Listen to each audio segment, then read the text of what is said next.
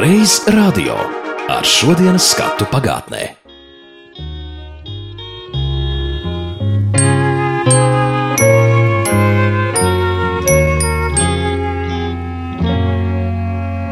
Labvakar, mans mazais draugs! Vai tu vari ticēt, ka pirms daudziem, daudziem gadiem, tik daudziem, ka nepietiks tavu un mana roku un kāju pirkstu, lai tos visus saskaitītu? Tātad patiešām pirms daudziem gadiem es, tavs pasaku tēvocis, biju gandrīz tāds pats kā tu šodien, un arī man patika pasakas. Ar šiem vārdiem 1964. gadā radio ik vakar sāk raidīt pasaciņu pirms miega. Un šķiet, ka ar šo balsi neviens nav jāiepazīstina. Tik siltā tembrā pasakas mazajiem draugiem ilgus gadus stāstīja operetes teātra aktieris Harijs Misiņš. Šajā reiz radio mēs uzzināsim, kāds bija sākums šim pasaku projektam, kas rakstīja pasakas un kas dziedāja miega dziesmiņu. Aktierim Misiņam arī mājās bija savs draudziņš, sieva Skaidrīte. Tā viņa viens otru mēdza uzrunāt par draudziņu. Skaidrīte bija tā, kuru pirmā dzirdēja, kā aktieris mājās vingrinājās šo pasaku lasīšanā, un viņai arī ir stāsts par to, kā iespējams aizsākās šīs vakara pasaciņas. Jo savulaik Skaidrītes brālis, kuram tolaik auga dēls, uzrakstīja vēstuli uz radio. Man brālis kādreiz rakstīja kaut kur 50 gadu beigās to vēstuli uz radiofonu par tām pasakām. Brālis Andrēs Ingutim tad bija četri gadiņi viņa dēliņam. Un tad viņš izdomāja, kad viņš bija klausies ārzemē radio un, un dzirdējis, kad vakaros tur lasa bērniem pasakas. Un pat cik viņš tāds rakstītājs bija, strādāja te redakcijā. Un, Kurā un redakcijā? Viņš strādāja Ērgļu kolhozniekā laikraksts. Laikraksts Ērgļu kolhoznieks, un tur viņš vadīja satīrs un humora daļu tam laikrakstam. Jūsu brālis rakstīja vēstuli uz radio. ja? Radio viņš uzrakstīja vēstuli, vai mūsu radio arī nevarētu ieplānot tādu raidījumu bērniem vakarā tās vakar pasaciņas, jo ārzemēs daudzās raidstacijas raida tieši vakarā bērniem tās pasaciņas. Ņemot vērā, ka tie bija padomju laiki, viņš jums ir stāstījis, kas tās bija par raidstacijām? Noteikti tās raidstacijas, ko mēs varējām uztvert, kurām nebija tā zāģis virsū. Es nedomāju, ka tur Amerikas balss vai kaut ko tādu. Tādas lietas jau ne. Viņš saņēma atbildi no radio. Ne, ne, radio neatbildēja. To viņš man nepastāstīja, jo viņ- viņš man pastāstīja tikai tad, kad mēs ar Hariju jau bijām satikušies un dzīvojam kopā. Un tagad sāk lasīt tās pasakas, un tāda sakritība vēl kā Harijs, tāda sagadīšanās. Un neienāca viņam prātā, lai viņš man tur stāstītu, ka viņš ir tādu vēstuli uzrakstījis. Bet tad, kad mēs jau ar Hariju bijām kopā, viņš saka, tu zini, no kurienes tās pasakas Harijam ir. Harijs man ir tagad parādā šampāniet, ka viņš tika pie tām pasakām. Skaidrīta misiņa bija tā, kas ik piekdien gāja uz radio paņemt jauno pasaku eksemplārus, jo viņas darba vieta bija turpat netālu.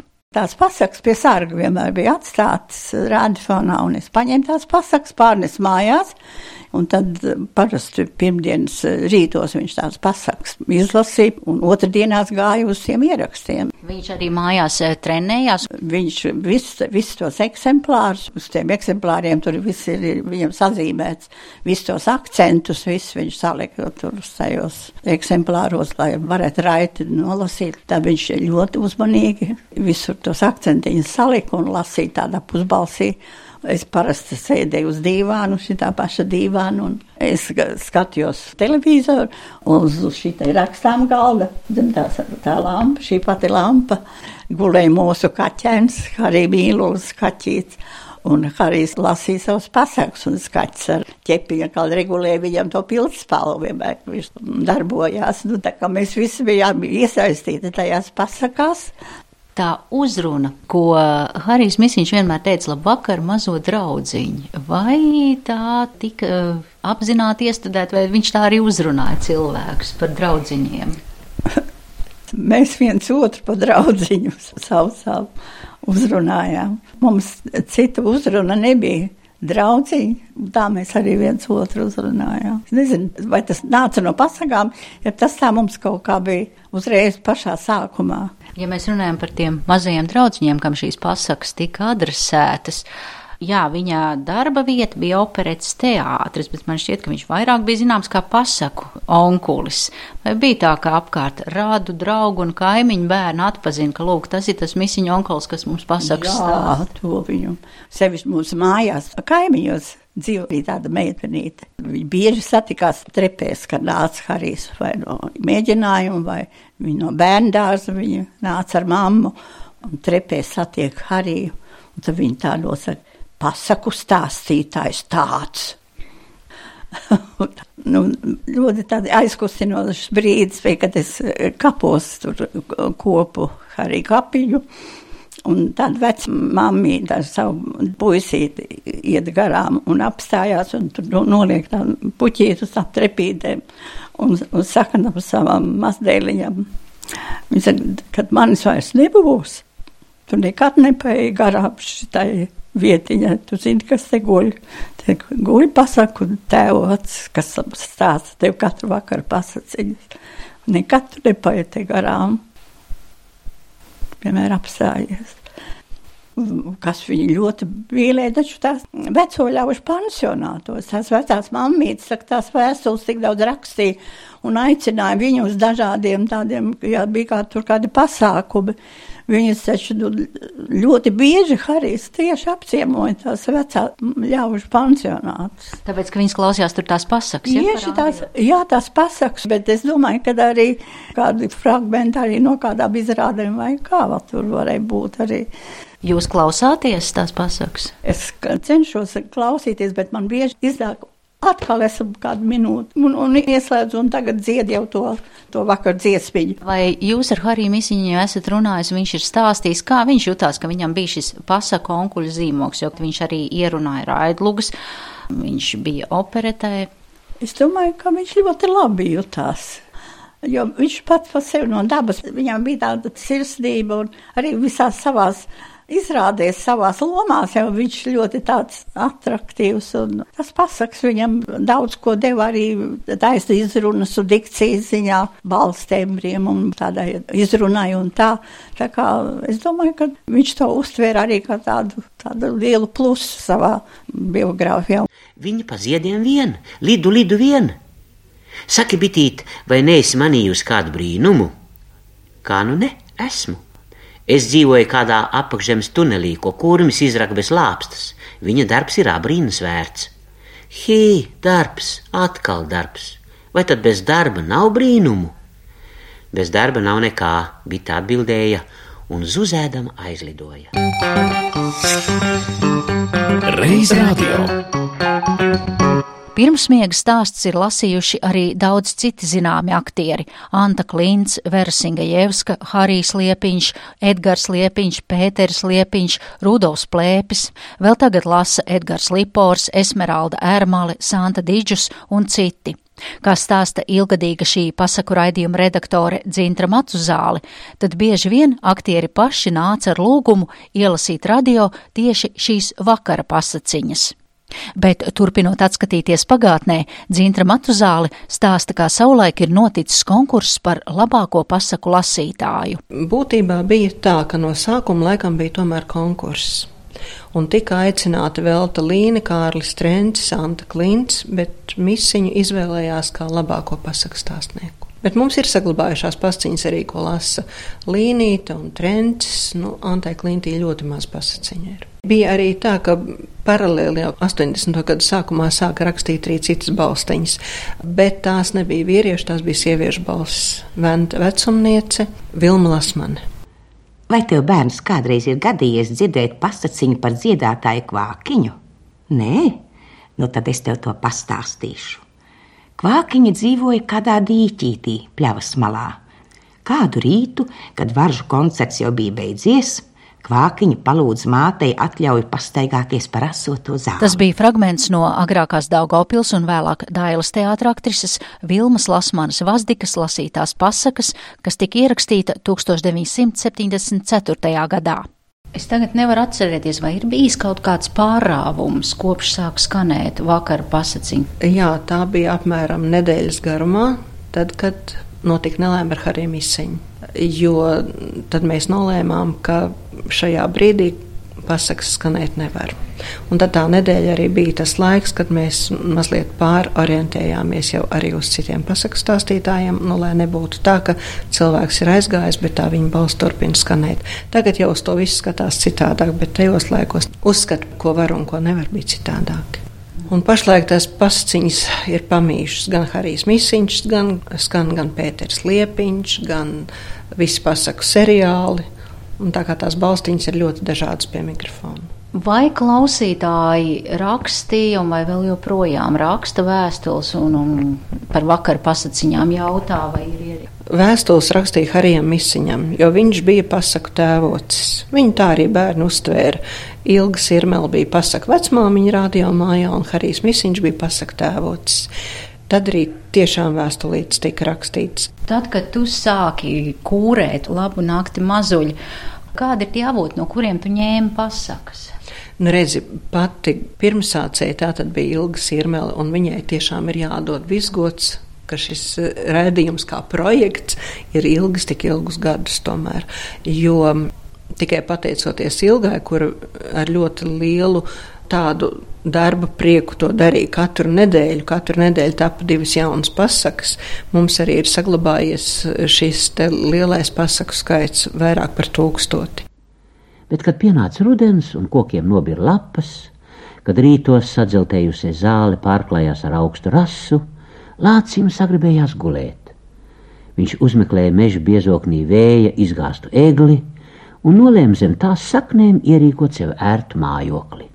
Vai mazie draudziņi visā Latvijā maz zina, kurš tad palīdz pasaku tēvocim katram vakaram atrast un izstāstīt jaunu, gudru, pasakainu miega pasaku?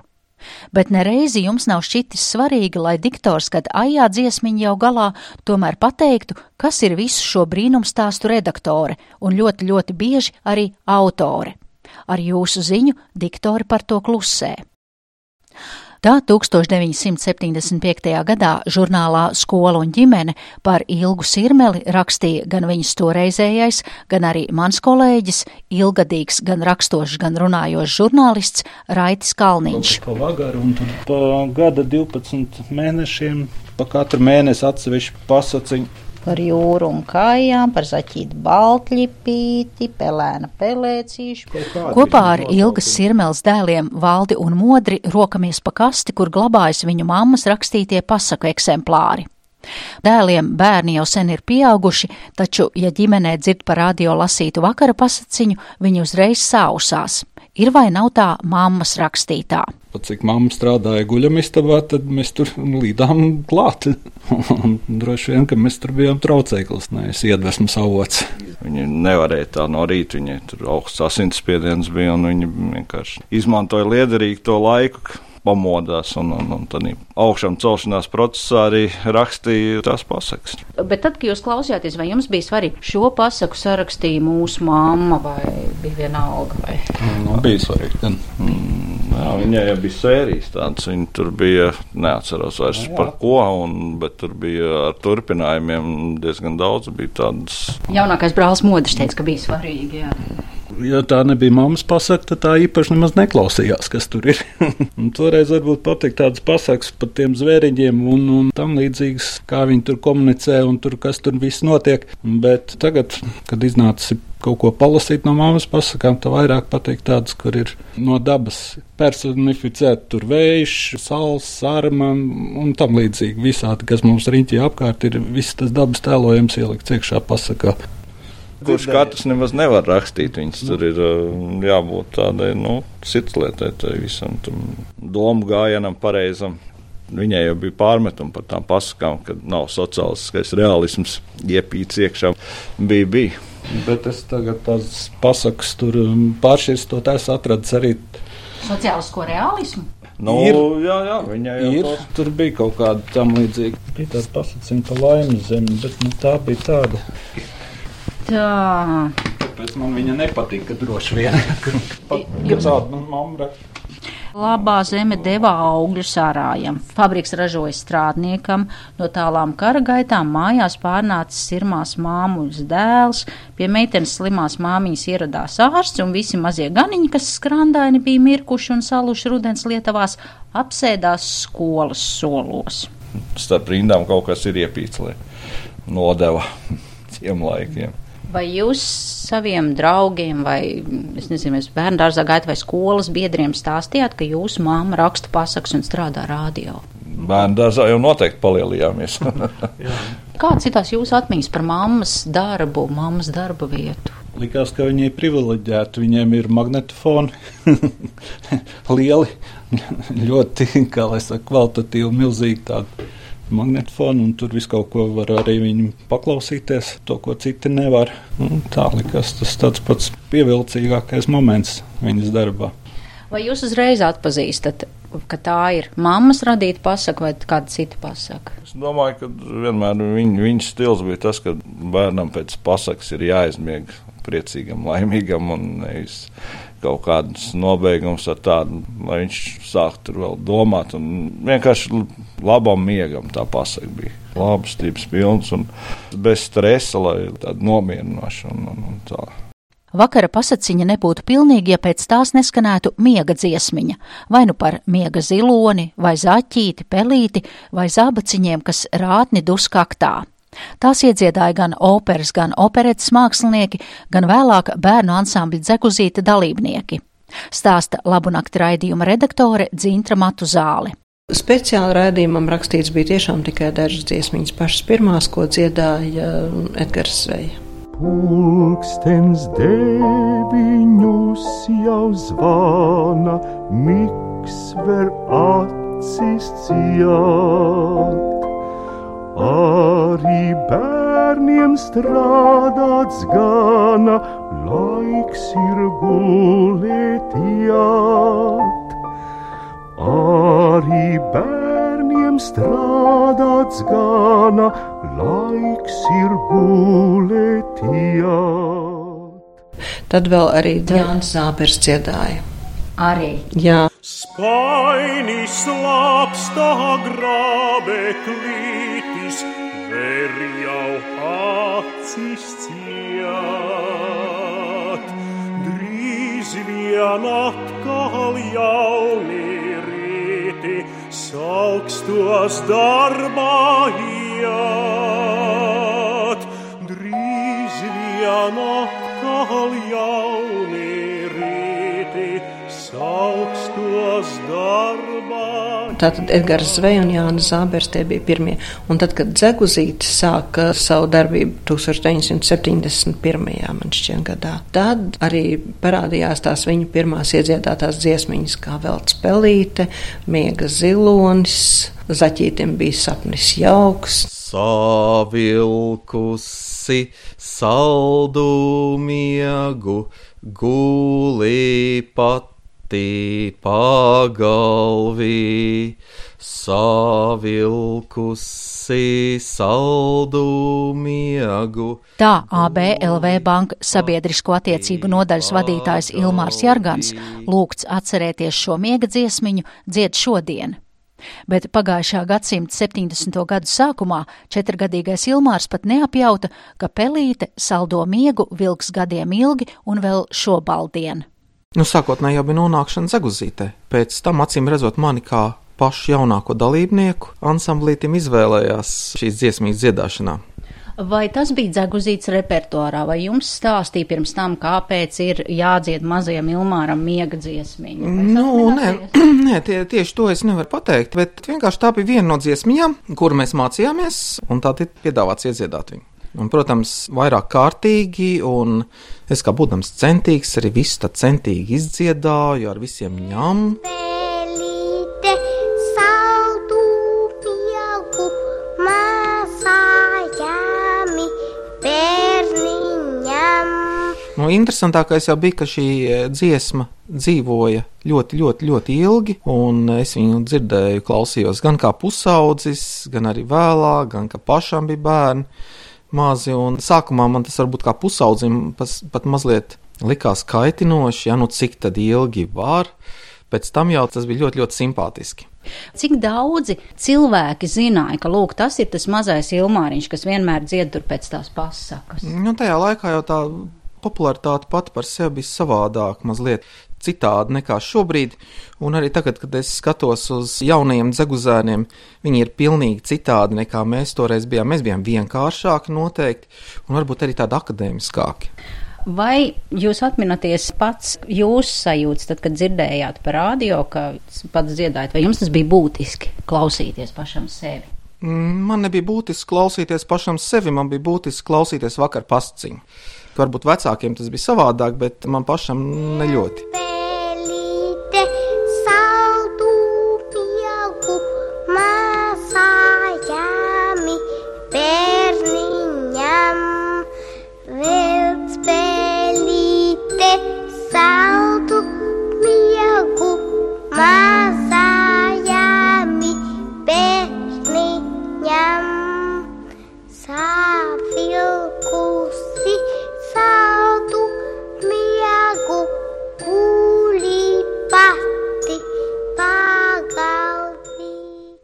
arī izskan šis raidījums. Ceru, ka tas nepadarīja jūs miegainus, tik atsauc atmiņā bērnu dienu radio pasakas.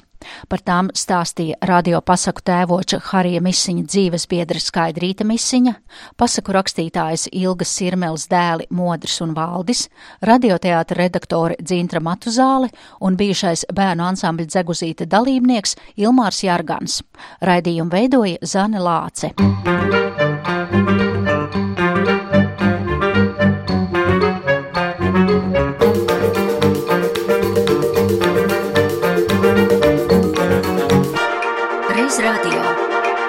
Reiz radio ar šodienas skatu pagātnē.